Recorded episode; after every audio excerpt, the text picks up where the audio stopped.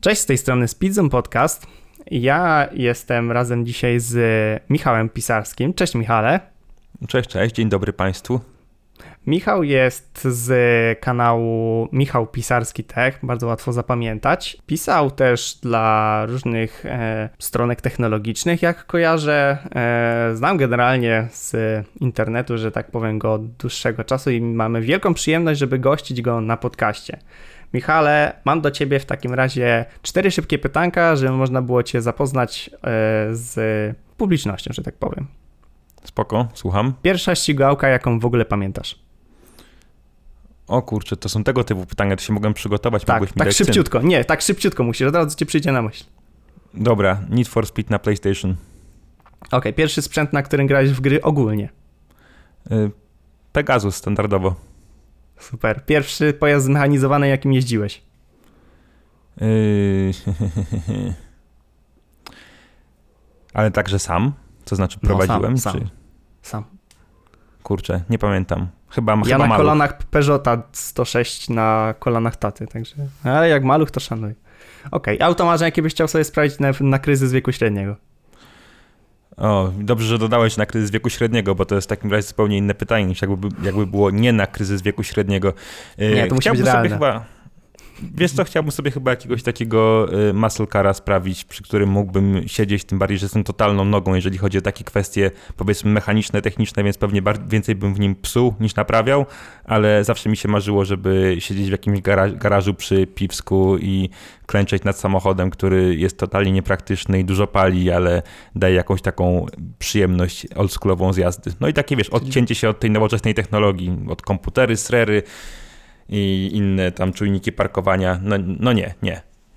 Czyli czerwony Mustang z 65, pewnie taki jak jest zazwyczaj na reklamach. A co, kupiłeś mi? Bo wiesz, Może. Dobrze, świetnie w takim razie. Skoro Cię znamy od tej strony, to ogólnie e, chciałem z Tobą też porozmawiać i zaprosiłem Cię tutaj, ponieważ mamy dosyć odmienne zdanie na temat niektórych gier, ale nie tylko tak ogólnie chcemy się pokłócić, tylko chcemy po prostu pogadać o retro, bo też masz świetne odcinki e, retro tygodni, e, dobrze? Mhm. Retro tydzień to się nazywa. tak, tak, E, chyba co miesiąc nawet tak, co miesiąc. kojarzę. E, I no, ogólnie recenzujesz retro konsole. E, ja byłem jedną z osób optujących za PS Vitą, bo jak wrzuciłeś odcinek o PSP, to ja byłem na rok po sprzedaniu PSP, a na jakimś tam, wiesz, myśleniu na tym, żeby kupić Vitę, ale chciałem porozmawiać ten konkretnie o retrogierkach, ponieważ e, no generalnie ścigałki dzisiaj to jest Forza Horizon e, 4 i nadchodzi 5 i to jest jedyne, co jest takim większym ogólnie boomem. Zgodzisz się ze mną? Co jest większą marką? Nic chyba nie ma.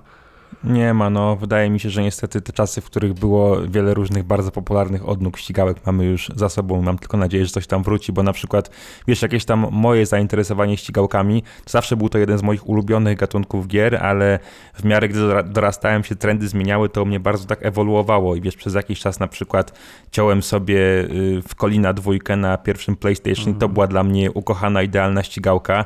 Później y, w Gran Turismo 3 i też niby zupełnie inna gra i to była moja ukochana ścigałka, ale tam w międzyczasie były jeszcze takie rzeczy jak faza na Future Racery, na Wipeouta, na F-Zero, na Roll Cage, w ogóle tam było tego od cholery. Mario Kart kochałem, no a teraz ta wła- właśnie wydaje mi się, że troszkę poza grami indie, które nie są na tak wysokim poziomie, tracimy to zróżnicowanie. Jest właśnie ta Forza i jest Gran Turismo, które wychodzi w częstotliwości pół części na 17 lat, więc jakby nie wiem, czy się liczy tak do końca. Dokładnie, no dosłownie jedna część na generację, a nawet zresztą teraz chyba nie, bo nie wiadomo jak będzie akurat z kolejnym, bo są e, sprzeczne informacje. Ale tak, faktycznie jest straszna bieda, jak bardzo kiedyś gatunek ścigałek był zróżnicowany i jak bardzo było duże pole do popisu e, tak w takim ogólnie temacie, settingu. E, tak jak mówiłeś, na przykład Roll Cage mi się teraz przypomniał, przecież to jak bardzo jest gra, która e, dużo osób pamięta, mimo że e, ona się jakaś tak, nie wiem, nie przebiła e, niesamowicie nie stała się jakąś super retro grą, którą każdy wspomina, ale każdy gdzieś tam ją w głowie ma. I no właśnie... Wiesz, sorry, że ci przerwę, ale Roll Cage jak Roll Cage, ale tak jeszcze wspominając te różne małe dziwne samochodziki, Stand GP każdy pamięta, to była gra, tak. która swego czasu zbierała oceny pokroju 4-5 na 10 w magazynach branżowych, bo nawet sobie ostatnio chciałem przypomnieć i znalazłem takie dwie recenzje właśnie na piękne piąteczki, y, które były obie spuentowane słowami, że o tej grze za parę miesięcy już nikt nie będzie pamiętał. Ha! Ale to mnie rozwaliłeś totalnie, bo ja ostatnio złapałem gazetę też, nie wiem czy to był 2003 rok, czy coś takiego i nie pamiętam jaka to była gazeta, bo to kolegi przeglądałem po prostu i patrzę MotoGP na okładce, no to otworzę i myślę sobie, tam będzie spust i po prostu e, masło dookoła po prostu całego tekstu na ścianie i w ogóle opisane jak to jest wspaniale, ale nie, okazuje się, że po prostu 6 na 10 i minusów było wymienionych więcej niż plusów. Wiesz co, to chyba musiało być troszkę wcześniej, bo ja pamiętam, że jedna z tych recenzji, którą ja czytałem, to była w wersji na Sega Dreamcast, na którą już tam od 2002 jakoś gry za bardzo nie wychodziły. No ale przypuszczam, że y, gry, które były dołączane na płytkach do komputer świata gry i do innych CD Action właśnie wychowały u nas całe pokolenie graczy i to pewnie stąd się bierze, no, że trochę na bezrybiu Irak, Irak Ryba, a jakoś ten Stan GP i wiele innych takich tytułów były cholernie wciągające i miały dużo kontentu dla jednego gracza i pamiętam, że nawet można było odblokować taki samochodzik Wormsa, e, co mhm. samo w sobie mnie motywowało, żeby z kuzynem, jak kiedyś do mnie przyjechał na takie mikro w czasokolonie i po prostu pomieszkiwał u mnie przez tydzień w wakacje, wystarczyło do tego, żebyśmy grali w to cały czas. Tak się zamieniało, że teraz ty jeździsz, teraz ja tak, przechodzę. Tak. Teraz...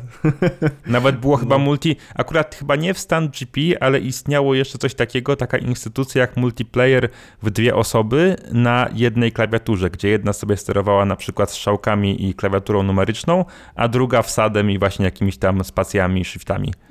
Tak, tak. Jak ja odkryłem jakoś tak, nie w 2006 roku, jak miałem swój drugi komputer, że da się mieć klawiatura, która pozwala na wciśnięcie więcej niż trzech przycisków i nie wyskakuje mi tab, to byłem w szoku i to jeden z pierwszych rzeczy, które naciągnąłem rodziców. Ale właśnie mówiłeś o bezrybiu, jakie bezrybie było niby wtedy właściwie, a no właściwie to było bezpienięże e, wśród no, pokolenia takich ludzi jak nas, E, I tych gier było naprawdę multum. Jak się teraz patrzy, to praktycznie każdy miesiąc, tak w latach 2000 do 2010, miał jakąś swoją grę, która została jakoś e, tak w, wśród branży gamingowo-wyścigowej zapamiętana. To jest naprawdę przytłaczająco dużo gier wręcz, żeby nawet pamiętać, a praktycznie po 2010-2012, jak bardzo to medium się tak tak uschło, że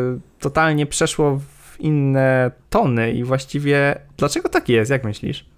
Wiesz co, ja się w pewnej chwili trochę przestałem też tymi ścigałkami interesować, być może właśnie dlatego, że było ich y, coraz mniej, ale teraz jak byłem na, na urlopie, na wyjeździe, to ściągnąłem sobie offline bardzo dużo archiwalnych magazynów o grach, troszkę z myślą, że je tam kiedyś wykorzystam w tych retro tygodniach, a troszkę, żeby po prostu sobie poczytać, bo tam nie bardzo miałem internet, żeby się porelaksować. I masz absolutną rację, nie dość, że przecierałem sobie oczy ze zdumienia, gdy widziałem, że w każdym kolejnym numerze e, PSX-a albo Neo Plusa, czy jeszcze wcześniej chociażby, nie wiem, Neo albo Secret Service'u były recenzje pięciu, sześciu, siedmiu gier, które, e, o których pamięta absolutnie każdy, kto się grami interesuje, to rzeczywiście później troszkę się to popsuło. Jeżeli chodzi konkretnie o ścigałki, Wiesz co, powiem ci, jak ten y, pies w słynnym kawale, w którym y, poprosił swojego właściciela, żeby postawił na niego wszystkie pieniądze y, w wyścigu psów, a później przegrał. To znaczy, kurwa, nie wiem. Nie wiem, wydaje mi się, że po prostu być może osiągnęliśmy jakiś sufit, jeżeli chodzi o popularność gier wyścigowych mądre głowy z EA i, i z innych największych firm stwierdziły, że nie jest to gatunek, w który aż tak bardzo warto inwestować, bo co prawda jest popularny, ale w pewnej bardzo specyficznej niszy. Podobnie choćby jak bijatyki, gdzie mamy Super Smash Brothers, czyli właściwie nie do końca bijatykę, mm która tam na jednej części opycha po 25-30 milionów egzemplarzy, a dalej takie marki legendarne, marki jak y, Tekken, to jest już naprawdę ułamek tego i powiedzmy 5, 6, 7. No chyba podobnie jest w wyścigówkach. Po prostu ktoś się skapował, że moda troszkę minęła, że y, sufit jest gdzieś tam zawieszony dosyć nisko, że y, sporty motorowe wydaje mi się, z mojej perspektywy przynajmniej, nie mają już tak y, tak powiedzmy dużo czasu antenowego w telewizji i mainstreamowych mediach, bo mamy te transmisje raczej w jakichś tam płatnych Robert miejscach. Kubica już nie jeździ. Robert Kubica już nie jeździ, a ja też pamiętam jak chociażby, wiesz, za młodu, takiego ekstremalnego młodu, jak miałem lat z 10, to że na TV4 bodajże y, zawsze leciały relacje z każdego rajdu WRC, które namiętnie oglądałem i dlatego też w tego Kolina grało mi się znacznie przyjemniej i w ogóle się tą grą zainteresowałem, nie?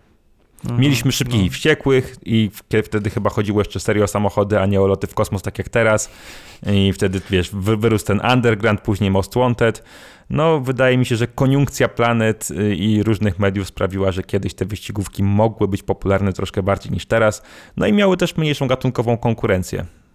Mhm. No właśnie, tak się jakoś generalnie Księżyc z Ziemią i Jowiszem ułożyły, że po tych właśnie 10-12 roku totalnie się wykruszyło wiele studiów. Ja to też zauważyłem tak mniej więcej, jeżeli możemy przyjąć, e, że Colin McRae to jest coś, co grał praktycznie każdy z pokroju ludzi takich jak my, to możemy zauważyć, że Codemastersi potem co sobie robili, 2005 jakiś tam, e, to jest ten Macre 2005, potem Dirt, lekko zręcznościowszy bardziej, e, Dirt dwójka, trójka, potem po drodze jakoś przejęcie jeszcze studia odpowiedzialnego za Motorstorm i za Drive Club, który było na PS4 świetną tam jedynym Mhm. wyskokiem e, i jeszcze mm, w międzyczasie potem prze... jeszcze potem jakiś był wypust w ogóle tego właśnie studia, e, który też się zawieruszył totalnie, ale zapomniałem, Onrush, Onrush właśnie e, i potem pochłonęli tak w, w siebie, później pochłonęło EA właśnie Codemasters, teraz EA obiecuje, że Codemasters będzie niepodległy, ale jak ja patrzę na najnowsze F1, w którym Hmm. Arton Senna wygląda jak ludzik z e, FIFA, którego można kupić za twoje ciężko uciłane 14,99 za jedną postać, to mi się wydaje, że to jest strasznie zmarketyzowany rynek, który no właśnie może uderzać e, przez ten brak wysokobudżetowych ścigałek w ludzi, którzy jeszcze cały czas tym się interesują, bo i tak dadzą pieniądze za to, bo nie ma konkurencji praktycznie. Ale wiesz, co mnie bardzo zdziwiło? Że właśnie gry wyścigowe nie poszły bardziej w tę stronę coraz popularniejszą gier usług. To znaczy, że raczej nie funkcjonuje na szeroką skalę coś takiego, że masz jakąś tam grę, która jest wielkim hubem online do wyścigów pomiędzy różnymi graczami i że właściwie na przykład to jest free to play, ale większość kontentu, jak poszczególne auta, czy nawet dostęp do jakichś tras sobie kupujesz, bo wydaje mi się, że to jednak jest, broń Boże, żeby tak się nie stało, ale że gry wyścigowe to właśnie jest taka przystań bezpieczna dla tych najbardziej chciwych firm, w której coś takiego mogłoby się świetnie sprawdzić. Wydaje mi się też, że im bardziej te, te gry byłyby realistyczne, tym bardziej miałoby to rację bytu i ludzie byliby chętni płacić y, duże pieniądze. Tak więc zobaczymy, co tam się stanie, jeżeli coś y, trafiło w ręce EA, ale wydaje mi się, że może to się właśnie tak skończyć. Mhm. I wiesz co, no właśnie takim przykładem takiej gry jest na przykład iRacing, taki bardzo hardkorowy symulator, na którym no, ludzie się ścigają na poważnie i za poważne pieniądze w różnych ligach i tam faktycznie dokupujesz po jednym pojeździe i po jednej trasie i potem możesz uczestniczyć w ligach, w ogóle tam masz e, abonament miesięczny, chyba cztery dychy za miesiąc, no i to faktycznie działa. No ale to jest taki super hardkorowy, że bez kierownicy dobrej z force feedbackiem e, i z takim zapleczem e, tego, że wiesz coś o samochodzie oraz e, jak się nagrzewają opony, co potrzebujesz i jak ustawić na konkretny tor, to nie podchodź. Znaczy, Ja tak, tak, jakkolwiek mi- jestem zaawansowany, nie podchodziłem nawet tam. Nie, no mi też nie, raczej nie chodziło o coś aż tak zaawansowanego, tylko właśnie bardziej jakieś połączenie znanej już marki z podejściem bardziej troszkę symulatorowym niż arcade'owym i powiedzmy też Tak. od znanej w świecie normalnego gamingu firmy. O iRacingu słyszałem, ciekawe bardzo zjawisko, ale też oprócz obejrzenia tam kilku filmików na YouTubie jakoś bardziej się nie wgłębiałem nigdy. Mhm. No właściwie to, co mówisz, że jakaś duża firma powinna jakąś dużą markę wypuścić właśnie w tym temacie, to brzmi dokładnie jak Need for Speed World, który no, żył sobie przez ileś tam lat, bo e, on, jego serwery zostały zamknięte chyba 6 lat temu i to był taki Most Wanted razem z Carbonem, dla niewiedzących, nie wiem, czy ty kojarzysz właściwie. Nie, wiesz co, szczerze to właśnie sobie, wpisuję, to chyba gra nie odniosła zbyt wielkiego sukcesu, skoro Nie, nie, nie słyszałem o niej, ale właśnie. ten EA miał kiedyś taką fazę, że oni robili niby takie rzeczy, ale na jakąś taką mniejszą skalę, bez wielkiego marketingu, przecież przez jakiś Mhm. czas była też taka FIFA online, free to play, z jakimś tam, można też było klienta free to ściągnąć. Słucham? Battlefield Free to Play też A, był. tak, tak, tak. No ale właśnie jakoś chyba to, to było nie w czasy i przeszło y, Tak. bez echa trochę. Tak, takie gry z pocztą, panto, pocztą paflą tą flową, żeby się rozchodziły, ale nic większego takiego. Może też dlatego, faktycznie. że, że ta, ja, ja grałem akurat tylko w FIFA, to ona mi się bardzo kojarzyła z tymi odsłonami na telefony komórkowe i miała bardzo mało wspólnego z tą FIFA, która faktycznie co roku wychodzi i o której też się zastanawiam, kiedy w końcu przestanie wychodzić, bo w przypadku FIFA akurat też jakiś tam abonament i roczne aktualizacje, czy, czy, na, czy nawet w tym przypadku częstsze aktualizacje co kilka miesięcy, miałyby już w tej chwili znacznie więcej sensu chyba niż wypuszczanie co roku y, w październiku pudełeczka. Tak, ja pamiętam, że jakoś mam wiadomość z 2015 i typową rzecz zrobiłem, czyli róbcie screeny, e, że zapisałem sobie z kumplem, co był tak mocno zawzięty w FIFA, ale wkurzający się w tamtych latach, bo wtedy no, był taki, no już to już te lata, kiedy nie było takiego rozwoju FIFA faktycznego, jak jeszcze z, z siódmej generacji choćby konsol, gdzie potem przeskoczył do ósmej, ale potem znowu się mocno zastapował, że ja napisałem mu, że jeżeli po 2020 dalej e, będą tylko zmieniane e, ubranka e, i będzie po prostu nowa grafika same, samej zieleni i ewentualnie nowa, nowa wersja małej jakiejś fabuły, to ja nie wierzę, że to dalej będzie się sprzedawało i no i co i dalej się sprzedaje i to jest jakieś niesamowite. Niespodzianka, no cóż. Realnie gatunek, gatunek Fortnite ludzki znowu zawiódł.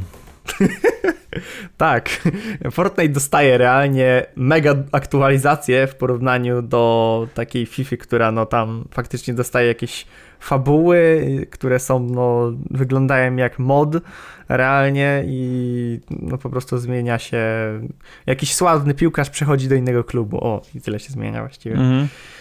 No i właśnie, no coś takiego, coś takiego w ścigałkach w sumie mi się wydaje, że powinno być, bo jeżeli jesteśmy na tym, w tym momencie, w którym mamy tak przy typowo użytkowym komputerze e, za jakieś tam 3000 zł e, procesor 8-rdzeniowy, 16-wątkowy, kartę graficzną już z ray tracingiem i właściwie nie ma żadnych ograniczeń takich sprzętowych, które by już nie pozwalały na to, żeby dobrą fizykę zasymulować, e, jakiekolwiek możliwe efekty, które byłyby potrzebne do realizmu, to właściwie czemu by nie zrobić jakiejś właśnie jakiejś serii wyścigowej, która mogłaby się ciągnąć na przykład przez te 7, 8 czy nie wiadomo ile lat, która nie potrzebowałaby żadnych upgrade'ów czy graficznych, czy fizycznych, bo po prostu wystarczyłoby tylko i wyłącznie dodawać content. Przecież no tak powstały obecnie no, największe free-to-playe, a no ścigałki no potrzebują po prostu większej konkurencji. No, zgadzam się, chociaż z drugiej strony to my być może już mamy trochę takie ogólnie boomerskie spojrzenie i Mm. trochę nam się wydaje, co byśmy chcieli, żeby się stało, co byśmy nie chcieli, żeby się stało, bo na przykład ja, teraz się tak zas- zas- zastanawiam, ścigałki, w które w ostatnich latach grałem najwięcej, to oprócz Gran Turismo Sport i tej Forza Horizon 4, to są ścigałki, które znałem już wcześniej w takiej czy innej formie ze starych konsol, czyli y, Need for Speed Hot Pursuit zremasterowany, czyli Burnout Paradise, o którym już rozmawialiśmy, Y, Mario Kart 8 z 2014 roku przecież, y, remake Crasha Team Racing z pierwszego PlayStation, albo Wipeout, w którego bardzo dużo grałem y, na PlayStation VR, bo wtedy wczuwa w ten widok z kokpitu była niesamowita. Natomiast jakieś takie nowości, Project Cars chciałem zawsze sprawdzić, bo mój na przykład szwagier bardzo dużo w to grał, ale też ja na przykład nie mam kierownicy żadnej, chociaż planuję sobie Mhm. kiedyś tam kupić, a mm, po tym jak on mi zdawał relacje widziałem też jak ta, jak, jak ta gra wygląda, to stwierdziłem, że na padzie czy tym bardziej klawiaturze to raczej nie ma sensu i tylko sobie popsuje wrażenia. Prawda, prawda. No właśnie, tak, no może podchodzimy boomersko generalnie do jakichś zapotrzebowań e, graczy, no ale ja, no prowadząc tę grupę, prowadząc ten fanpage, widzę ile młodych osób tam faktycznie z 0608 pisze o faktycznie o grach i na przykład no e, opisuje sobie, że no na przykład Need for Speeda Hita faktycznie ludzie lubią, mimo tego, że na niego się wylała mala, masa takiego hejtu właśnie, że to jest e, znowu to samo praktycznie, no ale to przez to, że on wyglądał bardzo podobnie i że e, ma no, dużego konkurenta w postaci Forza Horizon 4, który no, ma ogromny świat, y, piękną grafikę, mega dużo samochodów, ale no to wtedy ludzie nie zauważają, że tak naprawdę e, dla kogoś nieobeznanego, jeżeli puścisz mu Forza Horizon 1, a potem wyłączysz telewizor i włączysz Forza Horizon 4, to nie zauważy w ogóle, że to jest inna gra, bo tak niewiele się zmieniło w formie. A to właśnie taki, taką atrakcją na przykład serii Need for Speed było to, że e, samochody można było, e, przepraszam, samochody, e, rozgrywkę można było zmieniać totalnie z części na część, no bo przecież w jednym roku na przykład w 2011 wyszedł The Run, który był pierwszą częścią Need for Speeda 16+, i jeszcze w tym samym roku wyszedł Shift, albo Shift 2, jak pamiętam. I to był z kolei wręcz simracingowy materiał wyścigowy i co? No jedna seria, tak wiele pomysłów na siebie. Przecież no ten remaster Hot Pursuita z 2010 w 2020 równie dobrze działa, ponieważ jest po prostu bardzo dobrą, przystępną zręcznościówką.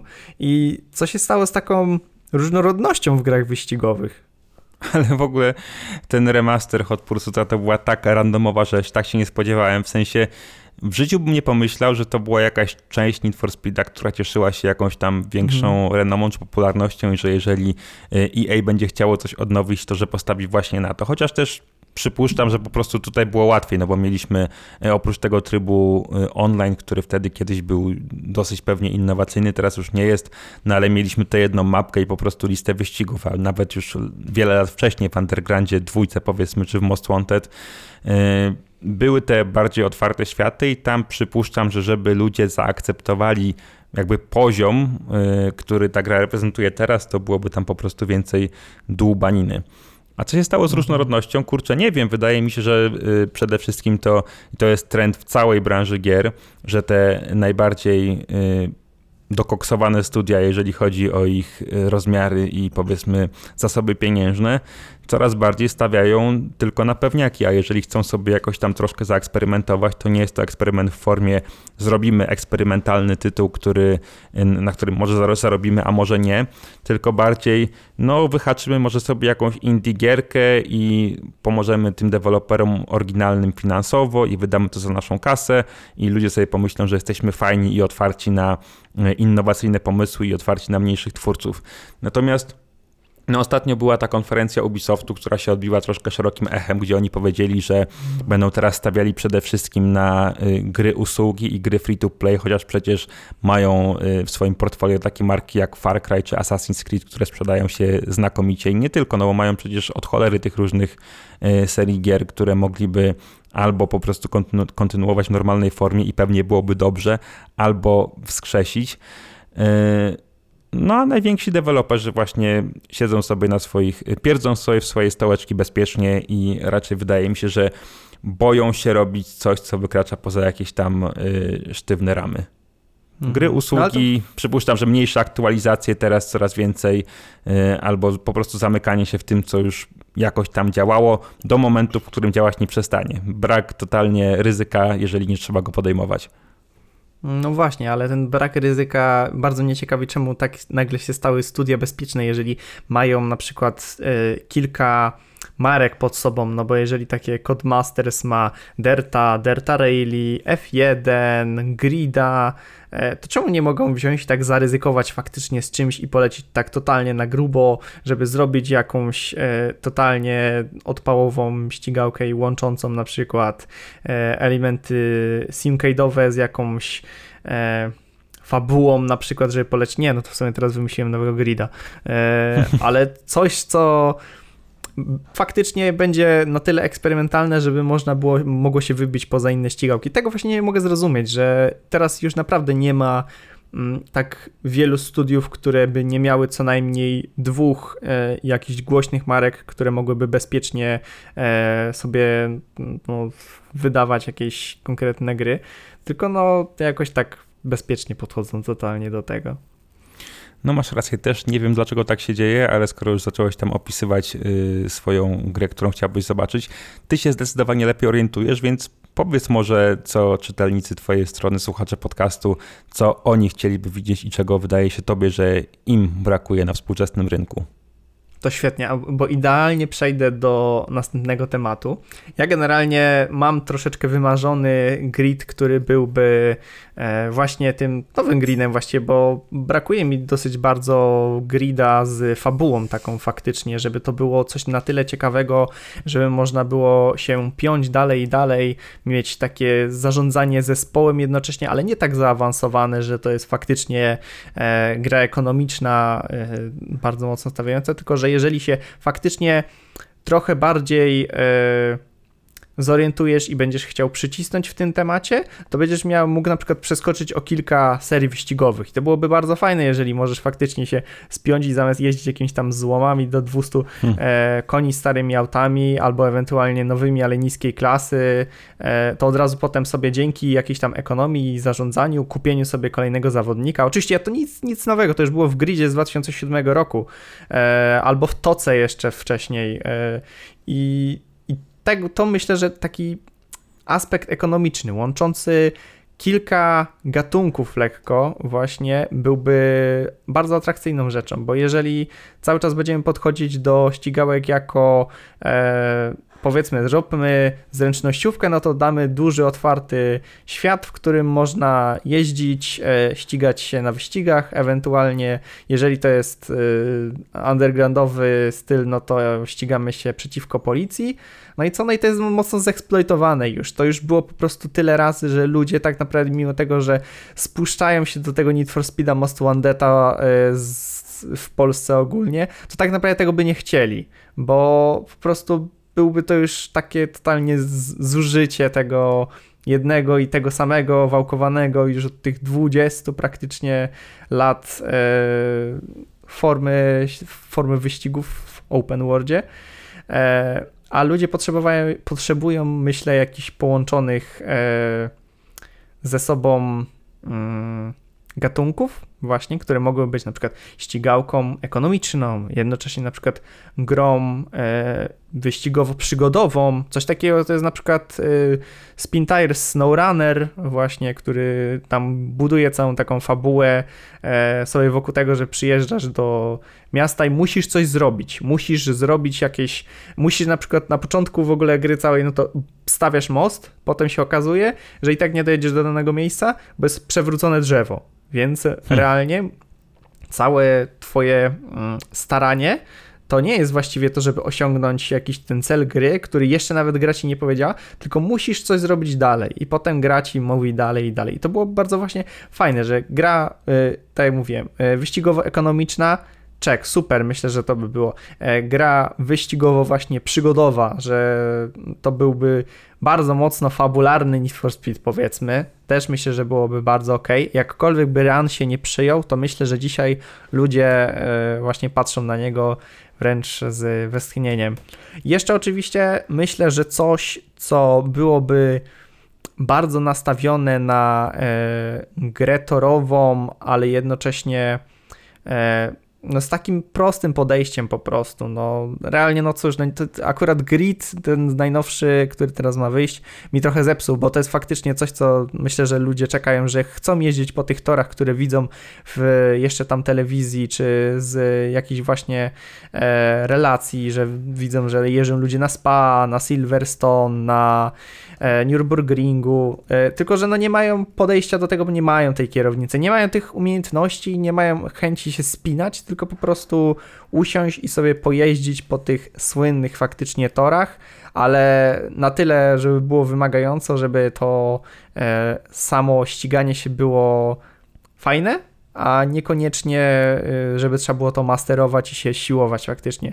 Nie ma takiego podejścia, że tro, trochę simcade'u, yy, tylko że od razu albo lecimy w zręcznościówki, albo od razu lecimy w coś bardziej symulacyjnego, chociaż i tak, no oczywiście deweloperzy wolą w coś zręcznościowszego, no bo po prostu to się bardziej sprzedaje. I no i właśnie to boli, bo przyjmijmy teraz, yy, że no właśnie ja pamiętam jeszcze twoje wywody chyba na podcaście którymś, że no wyszedł sobie Dirt 5 i to był taki zachwyt pod względem tego, że chyba wtedy wychodziły akurat nowe konsole, a to były pierwsze w ogóle gry, które obsługiwały tam 120 tak, klatek, tak, no klatków i, i 4K tam w różnych modach. I to faktycznie ta gra robiła na mnie wrażenie, robiła też na mnie wrażenie optymalizacją, bo ja tam na moim e, RX 580 i tak wyciągałem całkiem ok e, przy najwyższych e, ustawieniach graficznych wydajność, a gra naprawdę wyglądała świetnie, także gdyby nie to, że no brakowało jej ray tracingu, a to jeszcze był taki ray tracing, który no nawet trzeba było ludziom tłumaczyć, gdzie ten ray tracing racing jest, także nawet ta gra niego nie potrzebowała, bo sama w sobie wyglądała świetnie, ale ona nie miała totalnie żadnego modelu prowadzenia. Ona była zrobiona tak, żeby każdy, kto dostanie pada i pierwszy zakręt ogarnie, jak mocno samochód się wychyla na zakręcie, już wiedział, co się ewentualnie z tym danym pojazdem dzieje. I każdy samochód prowadził się pod tym identycznie tak samo. Gdyby nie tryb Playground, to ja skreśliłbym totalnie tę część, a przecież seria Dirt to jest wcześniejszy Colin, wcześniejszy Dirt 1, Dirt 2, który tak był zręcznościowy, ale tam się dało zrobić dacha, po którym samochód po prostu nie jechał dalej. To był Dirt 3, który też był taki troszeczkę bardziej e, realistyczny, ale jeszcze nie na tyle, żeby e, odrzucił. No a potem się te serie tam rozeszły. To był Dirt Rally i to był sam Dirt. No i potem Wiesz co, masz rację. 4... Ja może, mm. ja może troszkę no patrzę troszkę na, na tego Dirta 5, chociażby y, przez pryzmat okularów pod tytułem Launch Title dla nowej konsoli i to właśnie pod dwoma względami. Po pierwsze, tak jak mówiłeś, te 120 klatek i przyjemna oprawa graficzna, fajna optymalizacja, y, więc po prostu, żeby sobie popatrzeć. A po drugie, odkąd pamiętam y, i odkąd miałem styczność z nowymi konsolami w dniu premiery, albo odkąd chciałem mieć taką styczność, to zawsze taką tradycją było to, że na początek wychodziły jakieś wyścigi, które są dosyć proste, które są bardzo mhm. zręcznościowe i w które można właśnie pograć z dowolną osobą, pokazując jej po prostu, ej, zobacz jaka zajebista grafika, zobacz, pobawimy się tutaj fajnie, zrobimy sobie jeden czy dwa, czy dwa pucharki, a za dwa tygodnie nawet zapomnisz, czym są gry wideo, ale teraz będzie fajnie. I wiesz, kiedyś to były E, Ridge Racery przeniesione bezpośrednio z, z automatów i parę innych takich serii gier. Teraz właśnie te role dla mnie spełniał ten Dirt i w tej roli sprawdził się spoko. Czasami do niego wracam właśnie typowo imprezowo. Moim zdaniem te gry, takie gry też jakby są potrzebne. Patrząc na nie z perspektywy tego, że wzięły się z Kolina, no to już rzeczywiście zaczynam troszkę bardziej kręcić noskiem. E, mhm. A co do tego, o czym mówiłeś wcześniej, że mamy albo właśnie bardzo w jedną, albo w drugą stronę, to nie wiem, może to dlatego, że i po jednej i po drugiej są, jest jakaś bardzo konkretnie y, określona grupa odbiorców, która siłą rzeczy albo się przyklei, jeżeli chce pograć w samochodówkę, to albo się przyklei bardziej do jednej, albo się przyklei bardziej do y, drugiej strony, a zrobienie dobrej samochodówki, która jeszcze spełniałaby te twoje wymagania, które z kolei są też bardzo tożsame z tym, czego ja bym chciał. Przypuszczam, że y, nie jest tanie, poczynając od licencji na prawdziwe auta, przez jakieś odwzorowanie realnych torów, po nie wiem, nawet głupią licencję na muzykę to są naprawdę ogromne pieniądze, które e, niekoniecznie każdy chce zainwestować, też patrząc na chociażby przez e, na to, że ten Drive Club od Sony, który zapowiadał się świetnie i o którym wspominaliśmy, mhm. też się jakoś o dziwo specjalnie nie przyjął. A ja w ogóle hmm, chyba też o tym kiedyś mówiłem w moim podcaście, no ale większość tutaj słuchaczy nie wie. Byłem kiedyś w siedzibie twórców Gran Turismo w Japonii i o. miałem okazję z pierwszej ręki zobaczyć, jak tworzą nową część. Wcześniej to było właśnie Gran Turismo Sport, pogadać sobie z deweloperami, e, pogadać z jakimiś animatorami 3D, czy po prostu zobaczyć na ich komputerach, jak wygląda ich praca i co oni tam robią. I to po prostu jest masakra. Dlatego teraz y, przyznam szczerze, przed chwilą sobie wpisałem w Google, bo byłem ciekawy, y, ile dużych nowych marek wyścigowych się jeszcze pojawia w tej chwili na rynku. No i wychodzi na to, a przynajmniej nie potrafię znaleźć, że w tej chwili nie pojawiają się już y, prawie w ogóle. No ale właśnie to, jak te chyba 3 lata temu czy 4 widziałem, jak wyglądają prace nad taką grą właściwie od zera, no to to jest kurczę masakra. Chociażby y, mogę powiedzieć, że jeden model samochodu w, do Gran Turismo Sport, zresztą oni tam je robili tak na. Mm, na przyszłość też, to znaczy to, co zobaczymy mhm. w większości, przynajmniej w Gran Turismo na PlayStation 5, to będzie po prostu y, wyeksportowany w wyższej jakości model zrobiony jeszcze na potrzeby sporta. E, taki jeden model robi jedna osoba, której zajmuje to około pół roku do 8 miesięcy bodajże. Czyli wiesz, przychodzisz do pracy przez pół roku, robisz nadgodziny i ciśniesz tylko jeden model auta. Zrobienie, e, odwzorowanie trasy to też, to też są i przejazdy samochodami napakowanymi kamerami i y, przeloty helikopterem, jakimś dronem i skanowanie tego terenu laserami, więc to kurczę, no, nie jest prosta sprawa i tak jakoś też zacząłem troszkę łaskawszym i bardziej wyrozumiałym okiem patrząc na ten recykling, który akurat twórcy Gran Turismo z, z miłością uprawiają od mhm. wielu, wielu lat. No ja muszę przyznać, że właśnie akurat takie gry typowo na licencji, które mają się e, trzymać tego, że to są jakieś tory faktyczne i e, samochody, których no jest coraz więcej, bo tak po prostu się wymaga coraz więcej samochodów ogólnie w ścigałkach. E, to jest no, duże wyzwanie. Nie można tego jakkolwiek ominąć, bo jeżeli ma się wpakować do takiej nowej Forzy 700 samochodów, to jest niesamowite wyzwanie, które potrzebuje po prostu zasobów i robienia no, bardzo dużo takiego, takich małych rzeczy, na które będą potem ludzie patrzeć, bo na przykład nie wiem, czy wiesz, jaka była burda na przykład po tym, jak w Forzie Horizon 4 został e, dorzucony Mustang, e, chyba, przepraszam, ten Mustang albo jakoś on był jakoś wersja Bullet, albo coś takiego, Mustang Boss w każdym razie. I okazało się, że to nie jest jest wcale zrobiony od nowa e, model Mustanga, tylko to jest z bodykitem Mustang, który był do tej pory i on tam totalnie brakowało mu e, wielu rzeczy. On tak faktycznie wyglądał na to, jakby z jakiejś takiej innej tekstury były zrobione te na przykład dokładki, e, że to wszystko jakby dwie różne osoby robiły, i to robił jeszcze taki moder, który miał to zrobić na szybciutko. A już nie mówiąc o tym, że po prostu spiczowany lekko był głos, żeby e, udawać taki głębszy dźwięk hmm. e, innego silnika, nie? Więc no to jest taka. No to jest właśnie ta taka w sumie patologia tego, że z jednej strony się oczekuje bardzo dużo od e, bardzo niszowych gier, bo po prostu, no, jak patrząc na rynek, no to wszystko się rozwija w tym momencie absolutnie niesamowicie, e, a z drugiej strony, no to ten sufit jest gdzieś do osiągnięcia w tych grach wyścigowych. I, i właściwie możemy wrócić aż wręcz do pierwszego tematu, że to rozwiązanie, czyli e, duży jakiś e, sieciowy powiedzmy wyścigowy RPG, który można byłoby odblokować, czy tam kupować sobie za jakąś dowolną walutę e, więcej samochodów i tak dalej, byłyby dobrym rozwiązaniem, bo to byłoby faktycznie przyszłościowe. No albo tak jak robi to właściwie Polipony Digital, gdzie no przy Gran Turismo oni e, są na tyle bezpieczni, bo mają na tyle pieniążków i zabezpieczeni są przed razem z Sony, że mogą robić na przyszłość, bo wiedzą, że w przyszłości będą istnieć. A nie każde studio ma taką przyjemność. No chociaż oni, znaczy akurat w praktyce wydaje mi się, że oni bez problemu przetrwają, no bo Sony też potrzebuje swojej flagowej mm. marki wyścigówek i raczej z niej nie zrezygnuje, no ale patrząc po tym, co stało się z twórcami Wipeouta, który też był moją ulubioną serią gier, jedną z ulubionych od czasów pierwszego PlayStation, no to kurczę, wszystko się może zdarzyć. No na przykład Motorstorm przecież trzy wyścigi, wyścigówki wyszły w czasie siódmej e, generacji i jedna jeszcze dodatkowo na PS2 i PSP. No i wydawało się, że Motorstorm będzie taką wielką, ogromną marką dla e, Sony. Tymczasem no kolejna generacja Drive Club i jedna gra no cała, całe studio pogrążyła. To, to jest straszne wręcz po prostu.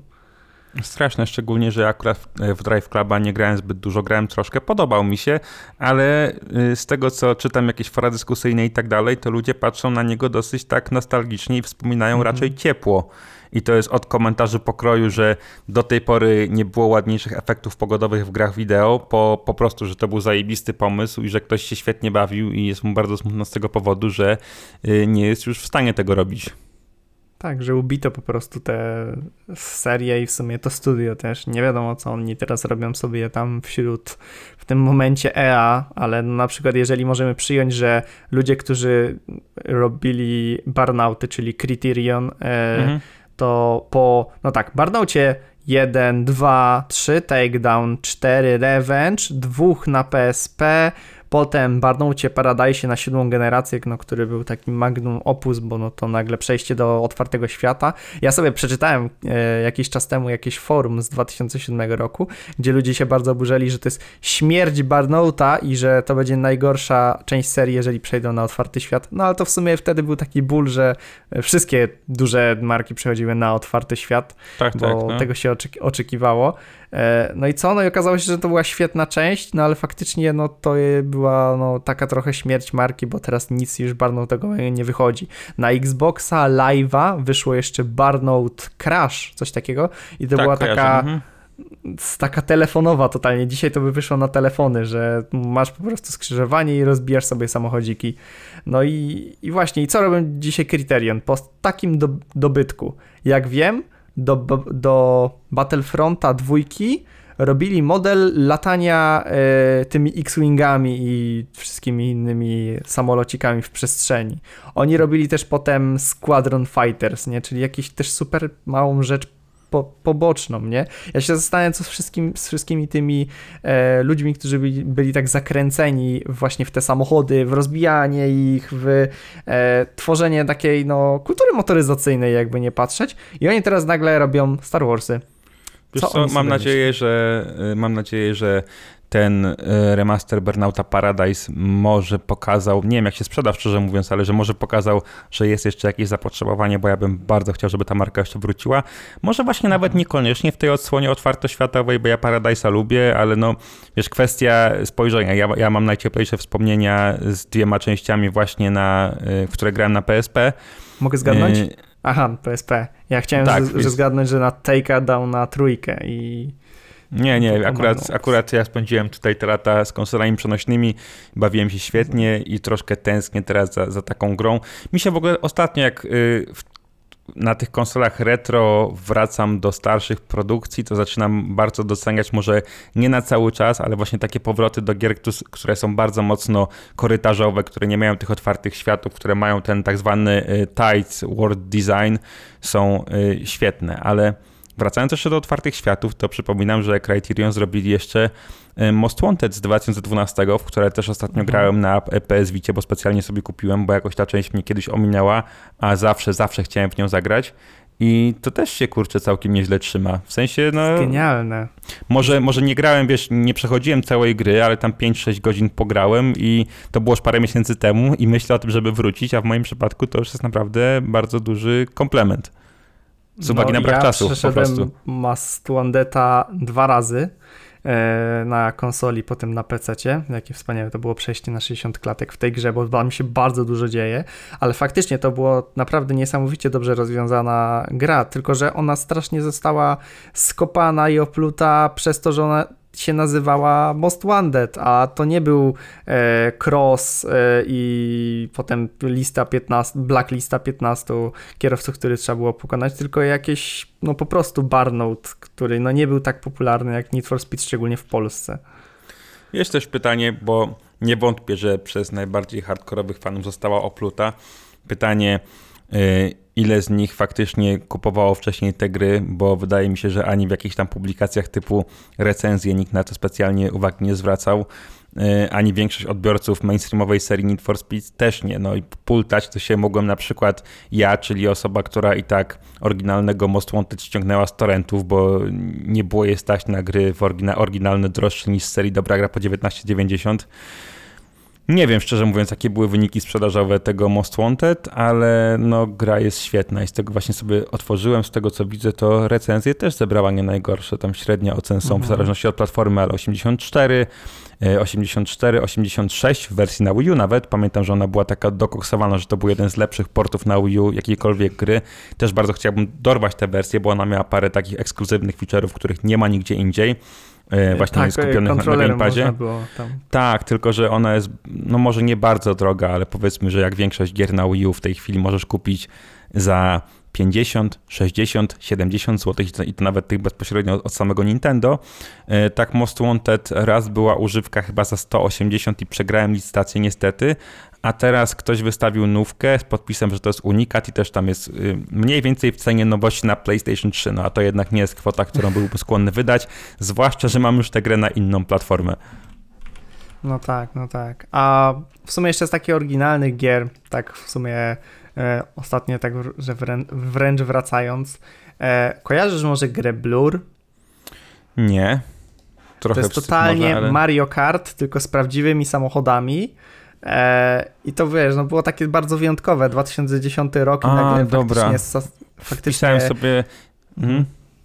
No nie grałem, ale kojarzę mogły logo, się no. napieprzać praktycznie e, naw, nawzajem przez jakieś takie rakiety, e, strzelanie do siebie, zostawianie za sobą tam bomb pułapek i tak dalej. No i to też było takie bardzo awangardowe, jak na to, że to miało taki stosunkowo realistyczny film i doda dodatkowo jeszcze ta gra była bardzo, ale to bardzo dobrze rozwiązana e, pod względem czucia prędkości. Jak ja sobie wróciłem do tej gry i zobaczyłem, jak tam działa kamera, e, wszelkie takie zmiany, od, od zmiany biegów aż po zeskok z niedużej wysokości, na której jeszcze nie dobijają amortyzatory, się zmienia e, takie uderzenie kamery, a względem tego, jak na przykład auto zahaczy zderzakiem i jednak odbije się bardziej, to też się to zmienia dużo bardziej szejkując te kamery. To wszystko sprawia, że mimo, że tam nie jeździ się jakimiś super hyper performance'owymi samochodami, e, to wszystko ma niesamowicie niesamowite uczucie prędkości po prostu i to, to mi się wydaje, że to jest bardzo wyjątkowe, że właściwie e, właśnie to, że na przykład takie Forzy i tak dalej e, idą w jakieś superkary i samochody z okładki to są McLareny Senny, a tak naprawdę to jeździ się e, no tak bez wypieków na twarzy jednak, e, no to właśnie jest jakimś takim błędem, że to jest takie dziwne skazualizowanie. Właśnie sobie odpaliłem gameplay i rzeczywiście wygląda niesłychanie zachęcająco. Troszkę y, tam są w ogóle fajerwerki w tle na tym, co oglądam i to Mhm. mi się skojarzyło y, z niesławnym y, Asfaltem 9 Legends, który pokazuje mi, czego nienawidzę w nowych samochodówkach, chociaż na Switcha jest chyba fajny, ale to no, w telefonie to pewnie kojarzysz, to jest samograj taki Tak, totalny, tak, że tylko wybierasz kierunek. To jest takie smutne trochę, ale ta gra wygląda spoko i też z tymi brońmi przypomniałeś mi, że przecież nie do końca wyścigi, ale jednak samochody, gatunek, który jakoś tak y, zniknął wiele lat temu i wciąż czeka na swoje wielkie odrodzenie, to są te wszystkie y, napierdzielanki samochodowe, takie jak Vigilante Mhm. 8 czy Twisted Metal, chociaż z tego co kojarzę, to Twisted Metal ma dostać serial w 2023 roku. Na razie o grze nie wiadomo nic, ale no byłoby to dość dziwne i głupie, jeżeli gra by nie powstała, a Twisted Metal to jest y, seria może nie powinny mnie takie gry wychowywać, ale to jest gra, która mnie wychowywała troszkę na pierwszym PlayStation i bardzo, bardzo czekam, aż zobaczę jeszcze coś wartościowego w tej serii. No też nas wychował Carmageddon, więc e, No to tak. jest to, to jest bardzo zły e, nie wracajmy do tego. Jeszcze chciałem wrócić do, a propos gry bardzo podobnej do Blura, czyli Split Second. Dla mnie to jest jedna z top 10 nie, top 5 moich gier wszechczasów. Niesamowita gra, która się opierała o e, niszczenie otoczenia, ponieważ to było e, wielki jeden serial ogólnie, który był właśnie podzielony na sezony i jeździło się e, samochodami, które no, były takie stosunkowo zwyczajne, potem przechodzące do coraz wyższych serii wyścigowych, taki typowy zręcznościowy sposób, ale cały serial opierał się o to, że na każdym z torów było rozstawionych 20 do 30 ładunków wybuchowych i Hmm. e, robiąc drifty, jeżdżąc za kimś oraz skacząc, można było zbierać punkty, żeby niszczyć przeciwników. I było to niesamowicie satysfakcjonujące. Mam w tym momencie ciarki, jak o tym opowiadam, dlatego że to była jedna z pierwszych gier, które jak pamiętam, jak miałem nowy komputer, e, a to było w 2012 roku, wspierało jakieś tam e, wirtualizowane 7.1 i to była to były tak niesamowite doznania, gdy słyszałem, że wróg, który tam przeleciał za mną, urwało mu się potem coś jeszcze, wybucha na przykład coś, czego jeszcze nie widzę, a potem widzę, że wieżowiec spada po prostu naprzeciwko mnie. Ja mogę tylko przyhamować, żeby potem jechać po jego szczątkach. Niesamowite, jak bardzo jakie piguły musiały wlecieć tam w Disneyu, bo to w ogóle Disney zrobił, e, że zrobili coś takiego, wypuścili e, i tak zapomnieli totalnie trochę o tym, bo no, nic nie zrobili więcej, ale ogólnie Disney ponoć no, nie bardzo im to nowoczesne gry, ale mega szanuję, że coś takiego powstało i straszna szkoda, że nie po prostu nie powstało nic więcej. No ale właśnie to e, te przykłady, które teraz sobie przypominamy, pokazują fajnie, że właśnie może na tym gdzieś tam polu gier niezależnych yy, realizacji takich podobnych szalonych pomysłów się jeszcze doczekamy, bo no właśnie indyki często działają na tej zasadzie, że biorą coś, co jest dosyć typowe, tak jak jazda samochodem chociażby i mm, wiesz, dodają do tego jakąś nawet tylko jedną mechanikę, która robi z tego coś zupełnie innego. No to jest, to, to jest właśnie chociażby to, o czym opowiadasz teraz w kontekście tego yy, split second. Też bym chętnie coś takiego zobaczył. E, I mam jeszcze taki, ostatnio przypomniała mi się gra właśnie, kiedy przeglądałem te e, stare magazyny gamingowe polskie pod tytułem Automodelista. Ona była takim totalnym e, mhm. krapem, zdaje się, ale to była gra, która powstała w samym początku mody na ten cel, cel shading i ona miała taką kreskówkową grafikę. Tak. I tak sobie właśnie zamarzyłem, że ja bym jeszcze kiedyś chętnie zobaczył jakieś takie wyścigi y, niby z prawdziwymi autami na przykład, ale bardzo arcade'owe i w kreskówkowej grafice i takie totalnie szalone. To jest takie moje małe marzenie, może na mniejszą skalę, które wiesz, y, którego realizacja nie kosztowałaby w skali budżetu gry aż tak bardzo dużo i myślę, że jakiegoś indyka w tym stylu właśnie bardzo chętnie bym przytulił. Ja wiem, że tego nie byś znał na pewno, bo to w ogóle gra, która chyba powstała w Japonii i tam została, ale Drift City było. I to było w ogóle wyścigowe MMORPG cel shadingowane i ja tam nigdy się na serwery nie mogłem dostać, bo to jeszcze wymagało chyba VPN-a, żeby w to grać czy coś takiego. E, no kupę lat temu to było, muszę przyznać, ale wiem, że jeszcze w 2016 był taki wielki boom, że no zamykają serwery, więc nagle tam urosła jakoś niesamowicie liczba graczy, tylko po to, żeby no zdechnąć sobie. No nie, nie, nie kojarzyłem. Wiesz co, przepraszam, że tak y, ja niegrzecznie się zamykam twój podcast, ale muszę niestety lecieć, bo Jak zapowiadała nam się, że będziemy gadali z pół godzinki, a tutaj już sobie jeszcze licząc to, co mówiliśmy off the record, godzina nam stuknęła, bo Faktycznie. ja włączyłem nagrywanie wcześniej. Już przyłączyliśmy. Faktycznie. Dobrze, w takim razie, Michale, e, jak najbardziej Ci dziękuję, że wziąłeś udział e, w moim podcaście. Mam nadzieję generalnie jeszcze, że kiedyś ewentualnie pogadamy, a może jakiś będzie wyścigowy temat, gdzie ja będę mógł być tym ekspertem. E, no i jeszcze raz Ci dziękuję. Spoko, też bardzo dziękuję. Pozdrawiam wszystkich słuchaczy. Miło się gadało. Myślę, że możemy jeszcze kiedyś nawet tak y, bez włączonych mikrofonów porozmawiać, bo okazało się, że jestem fascyn y, wiesz, że fascynuję się grami wyścigowymi. Wiesz, to jest y, w kręgach osób, które nie prowadzą stron o grach wyścigowych. Rozmowy o grach wyścigowych są rzadkością i przez godzinę chyba tak nie gadałem, no ładnych parę lat. Tak więc to ja bardzo dziękuję za przyjęcie mnie i no co, do usłyszenia uświadomiłeś sobie, że to nie jest to, że nie interesujesz się grami wyścigowymi, tylko po prostu ich nie ma.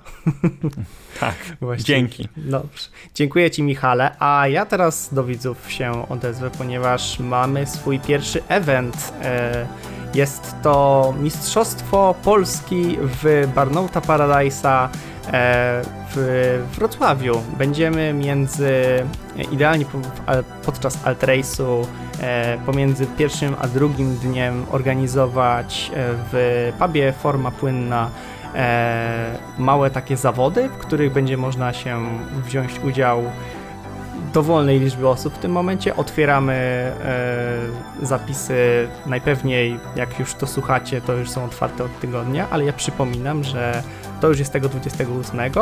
Więcej informacji oczywiście na stronie, na Facebooku, Instagramie. No i ja jeszcze raz dziękuję Michałowi, dziękuję Wam za słuchanie. Do usłyszenia za dwa tygodnie.